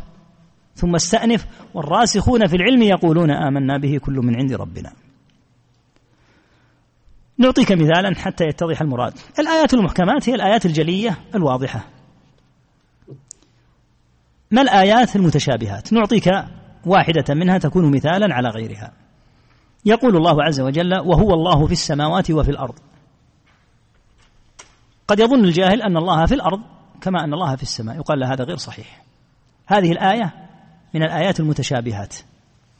كيف تفهمها؟ بردها إلى الآيات المحكمات. ومنه قوله تعالى وهو الذي في السماء إله وفي الأرض إله. ما المقصود بالإله؟ المعبود. أي أنه معبود أهل السماوات ومعبود أهل الأرض. سبحانه وتعالى. فقوله وهو الله في السماوات وفي الأرض أي هو المعبود في السماوات وفي الأرض. أما الله أين الله في السماء؟ سبحانه وتعالى كما قال صلى الله عليه وسلم الجارية. وكما قال رب العالمين في سورة تبارك أأمنتم من في السماء؟ الآية بعدها أم أمنتم من في السماء؟ وربنا فوقنا يخافون ربهم من فوقهم. والنبي صلى الله عليه وسلم عرج به إلى ربه صلوات الله وسلامه عليه حتى جاوز السبع الطباق وكلمه الله تعالى كفاحا وفرض عليه الصلوات ثم نزل إلى السماء السادسة. صارت السماء السادسة نزولا. فقال له موسى إن أمتك لا تطيق يعني الخمسين فصعد به جبريل إلى رب العالمين فخففها إلى أربعين وهكذا. أدلة جلية ظاهرة. إذا قوله تعالى وهو الله في السماوات وفي الأرض أي هو الله المعبود في السماوات من قبل أهلها وهو المعبود في الأرض كما في الآية وهو الله وهو الذي في السماء إله وفي الأرض إله. وقال بعض أهل العلم إن في الآية وقفا. وهو الله في السماوات. ثم هناك استئناف. وفي الأرض يعلم سركم وجهركم. فتكون الله هنا الآن فيها استئناف جملة جديدة. أن الله في السماوات. كقوله آمنتم من في السماء. ثم قال وفي الأرض يعلم سركم وجهركم. أي أنه وهو في السماوات سبحانه وتعالى يعلم سركم وجهركم وأنتم في الأرض. هذه الآية إذا جاء أحد قال الله في الأرض نعوذ بالله من هذه القالة. والدليل قوله هو والله في السماوات وفي الأرض. تذهب إلى المتشابه وتترك الآيات المحكمات.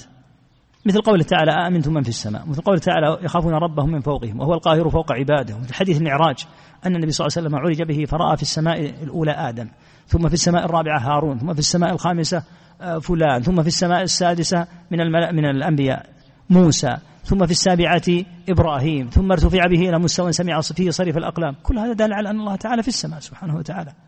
فقوله هو الله في السماوات وفي الأرض ليس معناه أن الله في الأرض معاذ الله لكن إما أن يقال إنه يوقف هنا وهو الله في السماوات فتنتهي القراءة. ويستأنف بقوله هو في الأرض يعلم يعلم سركم. أي أنه في السماوات ويعلم سركم في الأرض.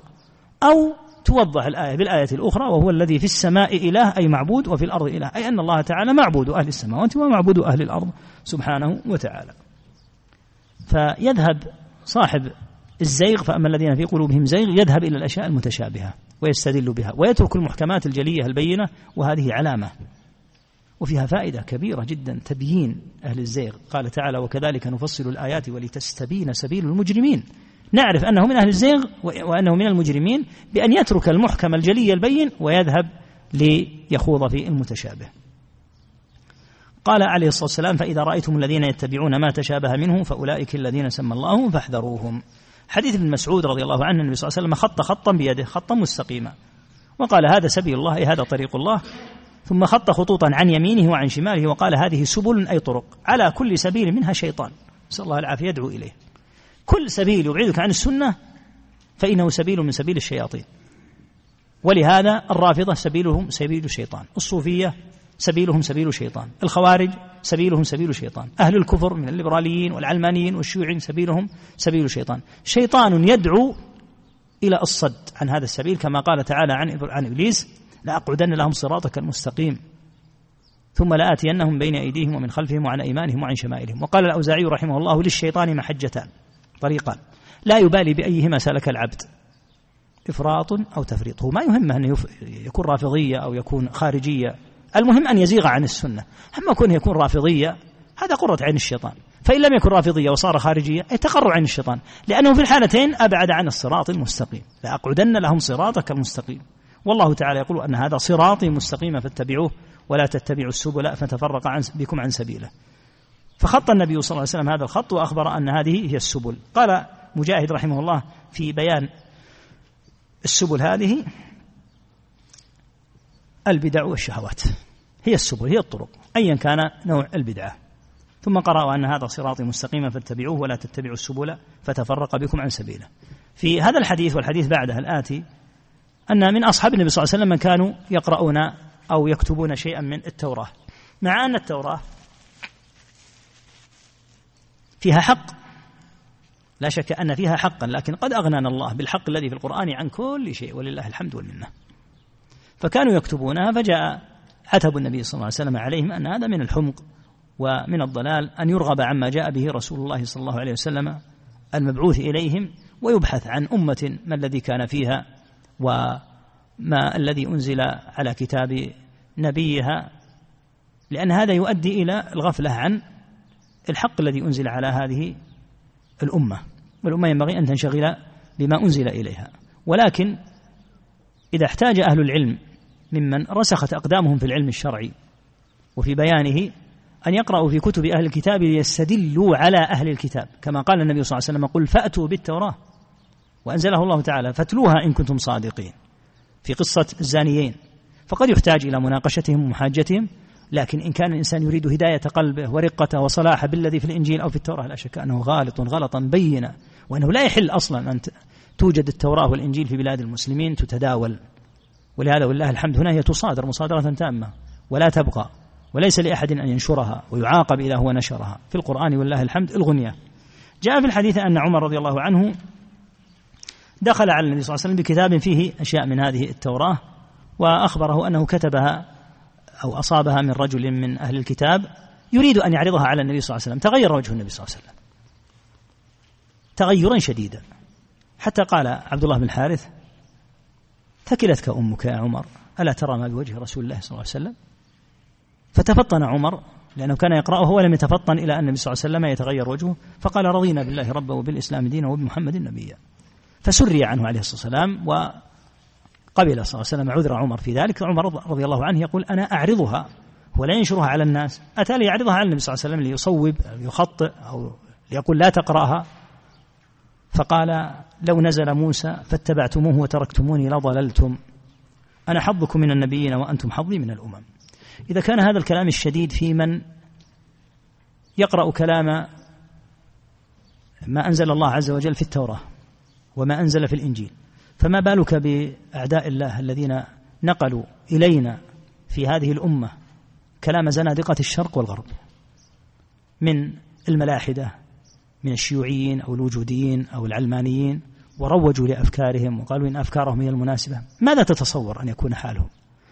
عمر رضي الله عنه لم يقرأ هذا عن النبي صلى الله عليه وسلم ولم يعجبه إلا لما فيه من المواعظ ولما فيه من الرقة ولما فيه من التوجيه فأراد أن يعرضه عن النبي صلى الله عليه وسلم. هؤلاء القوم الذي في الذي في كتبهم هو السم الزعاف الإلحاد الصريح والكفر البواح.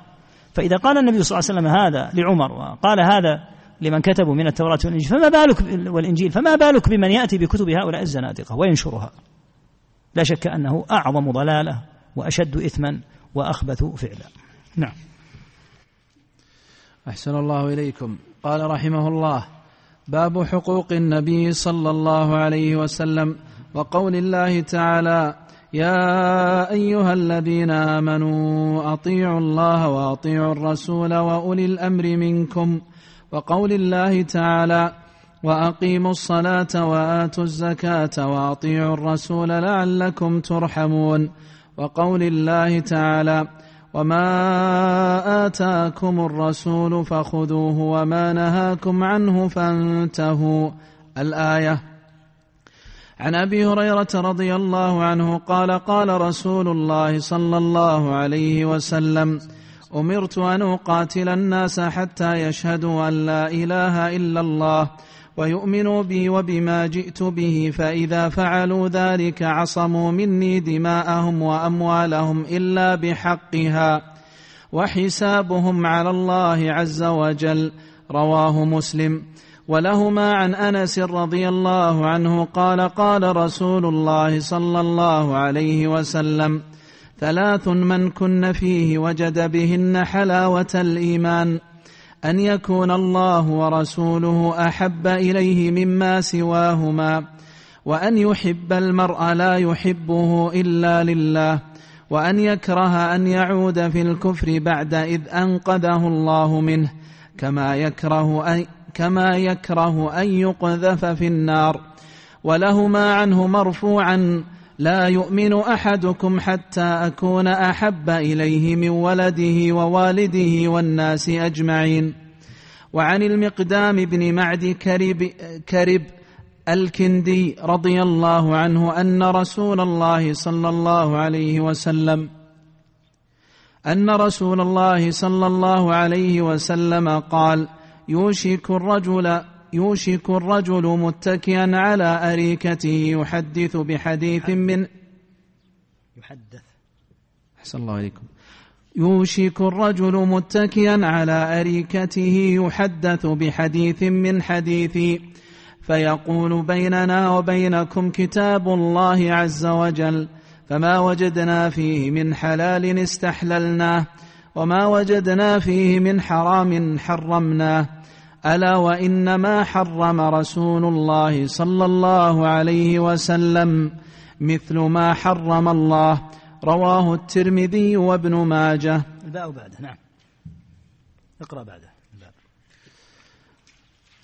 باب قال رحمه الله باب تحريضه صلى الله عليه وسلم على لزوم السنة والترغيب في ذلك. وترك البدع والتفرق والاختلاف والتحذير من ذلك. وقول الله تعالى لقد كان لكم في رسول الله أسوة حسنة لمن كان يرجو الله واليوم الآخر وذكر الله كثيرا. وقوله تعالى إن الذين فرقوا دينهم وكانوا شيعا لست منهم في شيء. الآية. وقوله تعالى شرع لكم من الدين ما وصى به نوحا والذي أوحينا إليك وما وصينا به إبراهيم وموسى وعيسى أن أقيموا الدين ولا تتفرقوا فيه. الآية وعن العرباض بن سارية رضي الله عنه قال وعظنا رسول الله صلى الله عليه وسلم موعظة بليغة ذرفت منها العيون ووجلت منها القلوب. فقال قائل يا رسول الله كأن هذه موعظة مودع فما تع فما تعهده إلينا؟ فقال أوصيكم بتقوى الله والسمع والطاعة وإن كان عبدا حبشيا فإنه من يعش منكم فسيرى اختلافا كثيرا. فعليكم بسنتي وسنة الخلفاء الراشدين المهديين من بعدي. تمسكوا بها وعضوا عليها بالنواجذ وإياكم ومحدثات الأمور فإن كل محدثة بدعة وكل بدعة ضلالة. رواه أبو داود والترمذي وصححه وابن ماجه وفي رواية له لقد تركتكم على البيضاء ليلها كنهارها لا يزيغ عنها بعدي إلا هالك. ومن يعش منكم فسيرى اختلافا كثيرا. ثم ذكره بمعناه ولمسلم عن جابر رضي الله عنه قال قال رسول الله صلى الله عليه وسلم أما بعد فإن خير الحديث كتاب الله وخير الهدي. هدي محمد صلى الله عليه وسلم وشر الأمور محدثاتها وكل بدعة ضلالة وكل بدعة ضلالة. وللبخاري عن أبي هريرة رضي الله عنه قال قال رسول الله صلى الله عليه وسلم كل أمتي يدخلون الجنة إلا من أبى قيل ومن أبى قال من أطاعني دخل الجنة ومن عصاني فقد أبى. ولهما عن أنس رضي الله عنه قال جاء ثلاثة رهط إلى أزواج النبي صلى الله عليه وسلم يسألون عبادة النبي صل يسألون. عن عبادة النبي صلى الله عليه وسلم. فلما أخبروا بها كأنهم تقالوها. فقالوا وأين نحن من النبي صلى الله عليه وسلم؟ قد غفر له ما تقدم من ذنبه وما تأخر. فقال أحدهم أما أنا فأصل فأصلي الليل أبدا. وقال الآخر أنا أصوم النهار ولا أفطر. وقال الآخر أنا أعتزل النساء فلا أتزوج أبدا. فجاء النبي صلى الله عليه وسلم إليهم فقال أنتم الذين قلتم كذا وكذا. أما والله إني لأخشاكم لله وأتقاكم له لكني أصوم وأفطر وأصلي وأرقد وأتزوج النساء فمن رغب عن سنتي فليس مني. وعن أبي هريرة رضي الله عنه أن رسول الله صلى الله عليه وسلم قال بدا الإسلام غريبا وسيعود غريبا كما بدأ. فطوبى للغرباء رواه مسلم. وعن عبد الله بن عمرو رضي الله عنهما قال قال رسول الله صلى الله عليه وسلم لا يؤمن أحدكم حتى يكون هواه تبعا لما جئت به. رواه البغوي في شرح السنة وصححه النووي وعنه أيضا قال قال رسول الله صلى الله عليه وسلم ليأتين على أمتي كما أتى على بني إسرائيل حذو النعل بالنعل حتى إن كان فيهم من أتى أمه علانية لكان في أمتي من يصنع ذلك. وإن بني إسرائيل افترقت على ثنتين وسبعين ملة وستفترق أمتي على ثلاث وسبعين ملة كلهم في النار إلا ملة واحدة. قالوا من هي يا رسول الله؟ قال ما أنا عليه وأصحابي رواه الترمذي. ولمسلم عن أبي هريرة رضي الله عنه مرفوعا من دعا إلى هدى كان له من الأجر مثل أجور من تبعه لا ينقص ذلك من أجورهم شيئا. ومن دعا إلى ضلالة كان عليه من الإثم مثل آثام من تبعه لا ينقص ذلك من آثامهم شيئا. وله عن, وله عن أبي مسعود الأنصاري رضي الله عنه قال جاء رجل إلى النبي صلى الله عليه وسلم قال إنه إنه أبدع بي فاحملني فقال ما عندي؟ فقال رجل يا رسول الله أنا أدله على من يحمله؟ فقال رسول الله صلى الله عليه وسلم من دل على خير فله مثل أجر فاعله. وعن عمرو بن عوف رضي الله عنه مرفوعا من أحيا سنة من سنتي قد أميتت بعدي فإن له من الأجر فإن له من الأجر مثل أجر من عمل بها من الناس. لا ينقص من أجور الناس شيئا ومن ابتدع بدعة لا يرضاها الله ورسوله فإن عليه مثل إثم فإن عليه مثل إثم من عمل بها من الناس لا ينقص من آثام الناس شيئا. رواه الترمذي وحسنه وابن ماجه. وهذا لفظه. وعن ابن مسعود رضي الله عنه أنه قال كيف أنتم إذ إذا لبستكم فتنة يربو فيها الصغير ويهرم فيها الكبير. ويهرم. ويهرم فيها الكبير. وتتخذ سنة يجري الناس عليها. فإذا غير منها شيء قيل تركت قيل تركت سنة قيل تركت سنة. قيل متى ذلك يا أبا عبد الرحمن؟ قال إذا كثر قراؤكم وقل فقهاؤكم وكثرت أموالكم وقل, أم وقل أمناؤكم والتمست الدنيا بعمل الآخرة وتفقها لغير الدين رواه الدارمي. وعن زياد بن حدير رضي الله عنه قال قال لي عمر رضي الله عنه هل تعرف ما يهدم الإسلام؟ قلت لا. قال يهدمه زلة العالم وجدال المنافق بالكتاب وحكم الأئمة المضلين. رواه الدارمي, رواه الدارمي أيضا.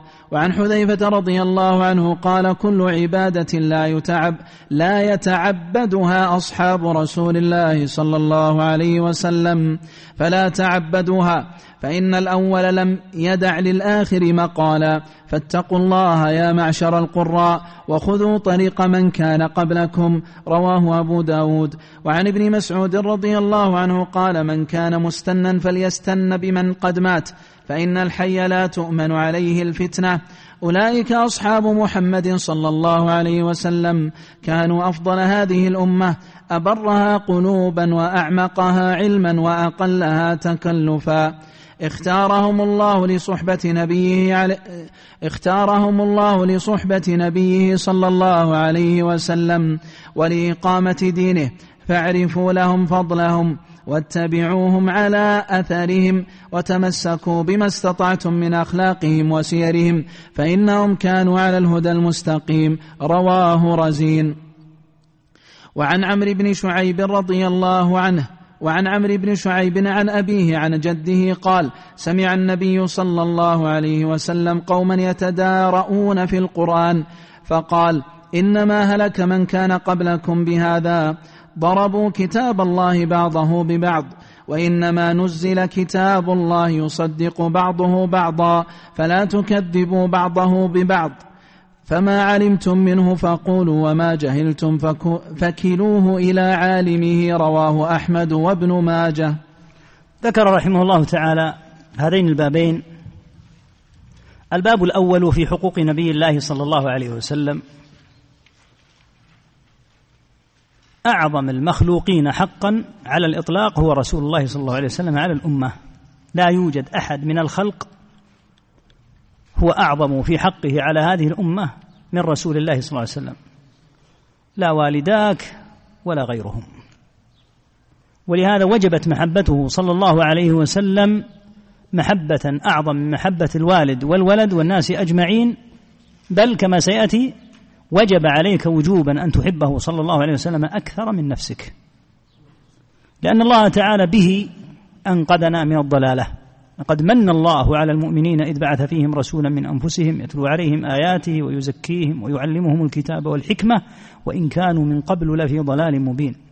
فلا تدرك المنة لرسول الله صلى الله عليه وسلم من الخلق ولا أحد أعظم منا منه إلا الرب عز وجل الذي أرسله. وأكرمنا به ونحمده تعالى على أن جعلنا أتباعا لهذا النبي الكريم ونسأل الله أن يثبتنا على هذا الطريق حتى نلقاه ويجمعنا به في الفردوس الأعلى ووالدينا وذرارينا وأحبابنا وهو على كل شيء قدير.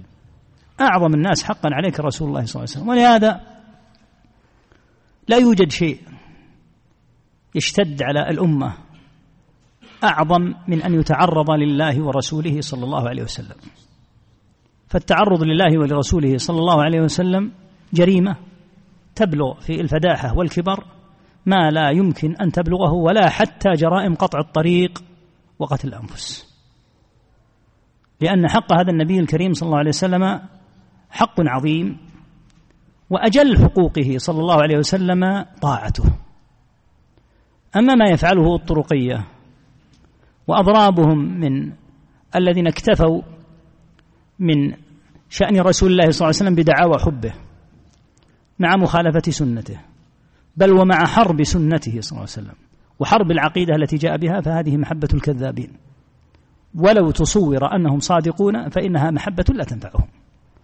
أعظم ما ينبغي أن ينبعث من حقوقه صلى الله عليه وسلم أن يطاع صلى الله عليه وسلم وأن تخضع بيوتنا ومدارسنا ووزاراتنا وأسواقنا وكل أحوالنا لأحكام الله عز وجل. طاعة لله تعالى ولرسوله صلى الله عليه وسلم. أما أن يكون حال الناس على أشد ما يكون من المخالفة ثم يقول قائل أنا أحب رسول الله صلى الله عليه وسلم. المحبة الحقيقية هي المحبة التي تبعث على الطاعة. ولهذا لما ادعى قوم محبة الله امتحنهم الله بقوله يقول إن كنتم تحبون الله فاتبعوني. يحببكم الله ويغفر لكم ذنوبكم. أليس هو المرسل من عند رب العالمين صلى الله عليه وسلم أمينا على هذا الوحي العظيم؟ إن كنت صادقا في محبة الله فاتبعه. وإن كنت صادقا في محبة رسول الله صلى الله عليه وسلم فاتبعه. أما أن تكتفي بمجرد دعاوى الحب فإن هذا لا ينفعك لا في الدنيا ولا في الآخرة إذا خالفته صلى الله عليه وسلم. هذا بدأ بالآيات التي فيها وجوب طاعته. قال تعالى يا أيها الذين آمنوا أطيعوا الله وأطيعوا الرسول وأولي الأمر منكم. الآية نص. في أن طاعة النبي صلى الله عليه وسلم مطلقة لأنه كرر فعل الأمر فيها. قال أطيعوا الله وأطيعوا. لما جاء لطاعة ولي الأمر ما قال وأطيعوا أولي الأمر لأن طاعتهم مقيدة وليست مطلقة. فقال وأولي الأمر ولم يقل وأطيعوا أولي الأمر. بل قال الله عز وجل من يطع الرسول فقد أطاع الله. فطاعة الرسول صلى الله عليه وسلم طاعة لله مباشرة. أما غيره من طاعة ولي الأمر أو طاعة الزوجة لزوجها أو طاعة الابن لأبيه أو طاعة العبد لسيده فهذه لا بد أن لا تعارض طاعة الله. فإذا عارضت أمر الله عز وجل فإنه يضرب بها عرض الحائط. لأنهم لم يطاعوا أصلا هؤلاء إلا طاعة لله. أنت تطيع أباك لماذا؟ لأن الله أمرك بطاعته. فإذا أمرك بأمر فيه معصية لله لا يقال لك اعص والدك وكن عاقا لا لكن قل هذا الأمر من عند الله عز وجل فوقنا أجمعين. يقول عز وجل وما آتاكم الرسول فخذوه وما نهاكم عنه فانتهوا. هذا تفصيل.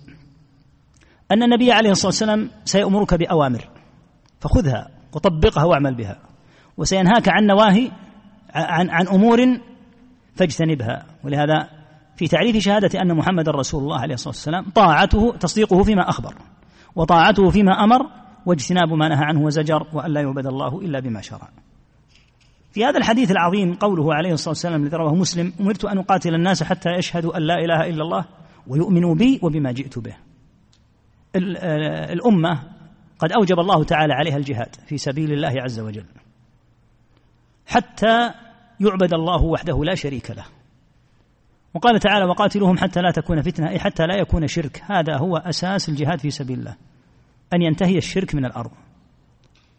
الشرك لن ينتهي من الأرض لوجود من قد أشربت قلوبهم الشرك فعند ذلك لا بد من جهادهم ليوصل معهم إلى أحد أمور ثلاثة. إما أن يسلموا فيكون لهم ما لنا وعليهم ما علينا. وإما أن يأبوا فيلزموا بالجزية فيكونوا من أهل الجزية ومن أهل العهد. وإما أن يأبوا الأمرين فمعنى ذلك أنهم أبوا حكم الله تعالى في الدخول في الإسلام وأبوا حكم الله تعالى في الصغار ولزوم الجزية فتلزم الأمة فيلزم الأمة جهادهم على حد الاستطاعة على حد الاستطاعة التي أوجب الله عز وجل بحيث إذا تهيأت أسباب الجهاد لزمت الأمة وإذا لم تتهيأ فإن الأمة قد أمرت بالإعداد وأعدوا لهم ما استطعتم. فكما لا يحل أن تفرط الأمة في الجهاد في سبيل الله أو تستحي منها وتخجل لا ولله الحمد. نجاهد في سبيل الله وهذا الدين هو الحق وما سواه باطل. ويجب أن يجاهد الباطل. وليس هذا موضع حياء الذي يستحي من هذا سيستحي من الصلاة حتى والصوم والزكاة. هذا دين الله عز وجل. والأرض أرض الله. والعباد عباد الله عز وجل. والحكم يجب أن يجري في أرض الله عز وجل على ما أمر. وليست هذه أهواء فلان ولا فلان. هذا حكم الله عز وجل. لكن كما أن تعطيل الجهاد غلط فإن الإساءة إلى الجهاد غلط. ووضع الجهاد بالطريقة التي تشوهه مثل تصوير مذهب السلف الصالح رضي الله عنهم بطريقة تصوره بشكل خاطئ. كل هذا من الصد عن سبيل الله وتذوق السوء بما صددتم عن سبيل الله.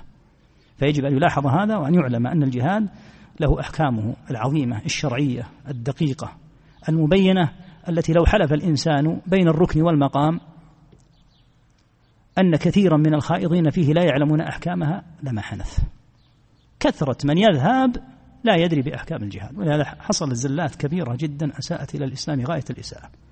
جهاد أحكام شرعية والأحكام الشرعية تحتاج إلى علم. كالحج أحكام شرعية والأحكام الشرعية تحتاج إلى علم. فكما أن لا يعطل الجهاد ولا يقال مقولة الليبراليين والمفسدين في أرض الله من الخونة ونحوهم من الإسلام ما جاء بالجهاد. ما جاء بالجهاد وكل هذه الآيات بل سور كاملة في القرآن معظمها في الجهاد وتقول ما جاء بالجهاد. لا والله جاء بالجهاد. لكن الإساءة إلى الجهاد وتصويره بطريقة على خلاف ما كان عليه النبي صلى الله عليه وسلم لا شك أن هذا لا يرضي الله تعالى. فهما طرفان. طرف يسيء إليه وطرف ينفيه والحق بينهما ولا يكون ذلك بعد فضل الله إلا بالعلم. أمرت أن أقاتل الناس حتى يشهدوا أن لا إله إلا الله ويؤمنوا بي وبما جئت به فدل على عظم وجوب طاعته. لقوله أمرت أن أقاتل الناس ولا يكف عن ذلك حتى يؤمنوا بما جاء به صلى الله عليه وسلم. ثم ذكر محبة الله ورسوله صلى الله عليه وسلم وأن من أن هذه الثلاث من كن فيه وجد بهن حلاوة الإيمان. الأولى أن يكون الله ورسوله أحب إليه مما سواهما فيدخل في قوله سواهما كل أحد. الوالدان والولد والزوجة والعشيرة والأرض والوطن والمال والتجارة والنفس.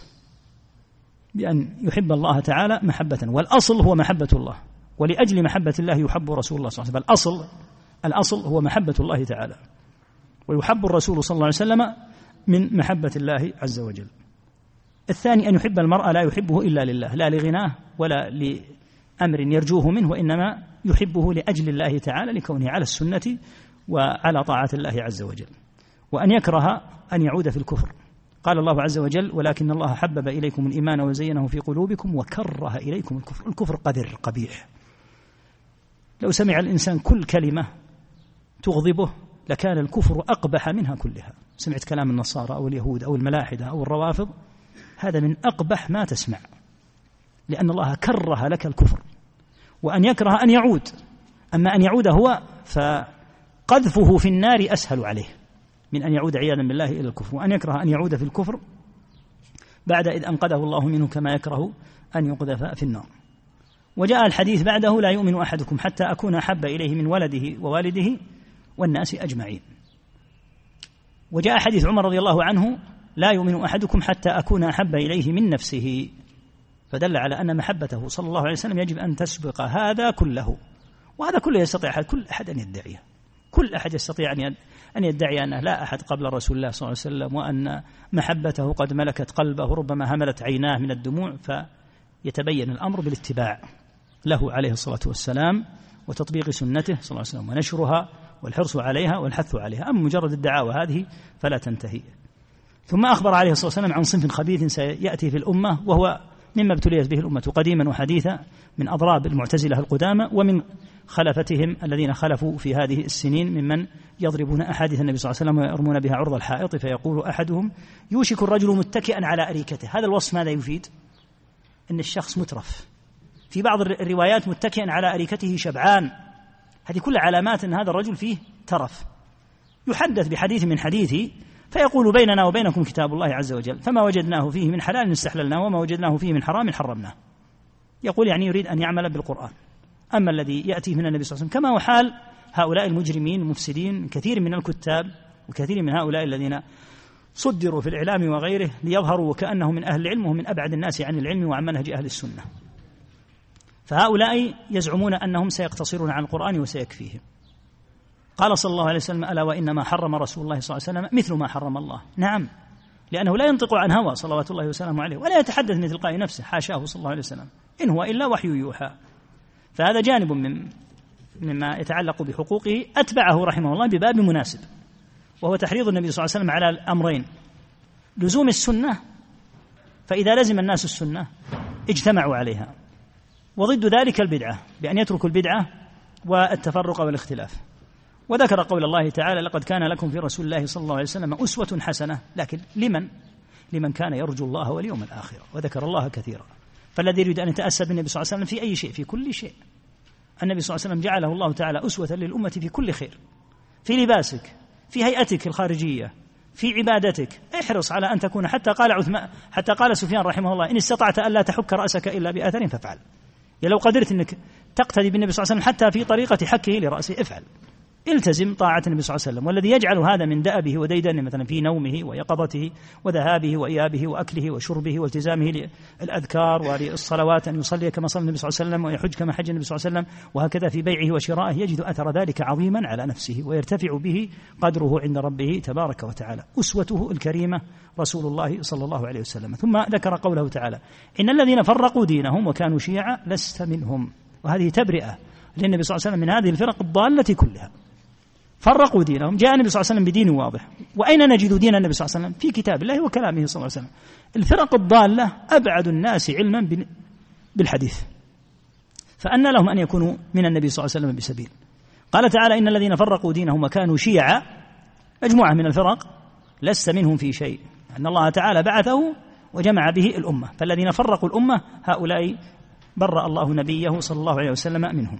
ثم ذكر قوله تعالى شرع لكم من الدين ما وصى به نوحا إلى قوله ولا تتفرقوا فيه النهي عن الفرقة في الدين وما دام الله تعالى قد أنزل كتابا وبعث رسولا فيلتزم ما جاء به النبي صلى الله عليه وسلم ويلزم ما في الكتاب فلا تفترق الأمة إنما تفترق الأمة إذا تركت هذا الذي يجمعها يجمعها ثم إنه ذكر حديث العراض وهو حديث مشهور رضي الله عنه أن النبي صلى الله عليه وسلم وعظهم موعظة بليغة وهذا لما قلنا قبل قليل في أمر العلم وسمته النبي صلى الله عليه وسلم وعظهم موعظة بليغة ذرفت منها دموع عيونهم يعني تأثرا ووجلت منها قلوبهم. هذا المقصود بالوعظ وهذا المقصود بالخطب وهذا المقصود بالعلم أن ترق القلوب وأن يقترب العبد من ربه ويحاسب نفسه. لا أن تكون المجالس مجالس هزل وضحك.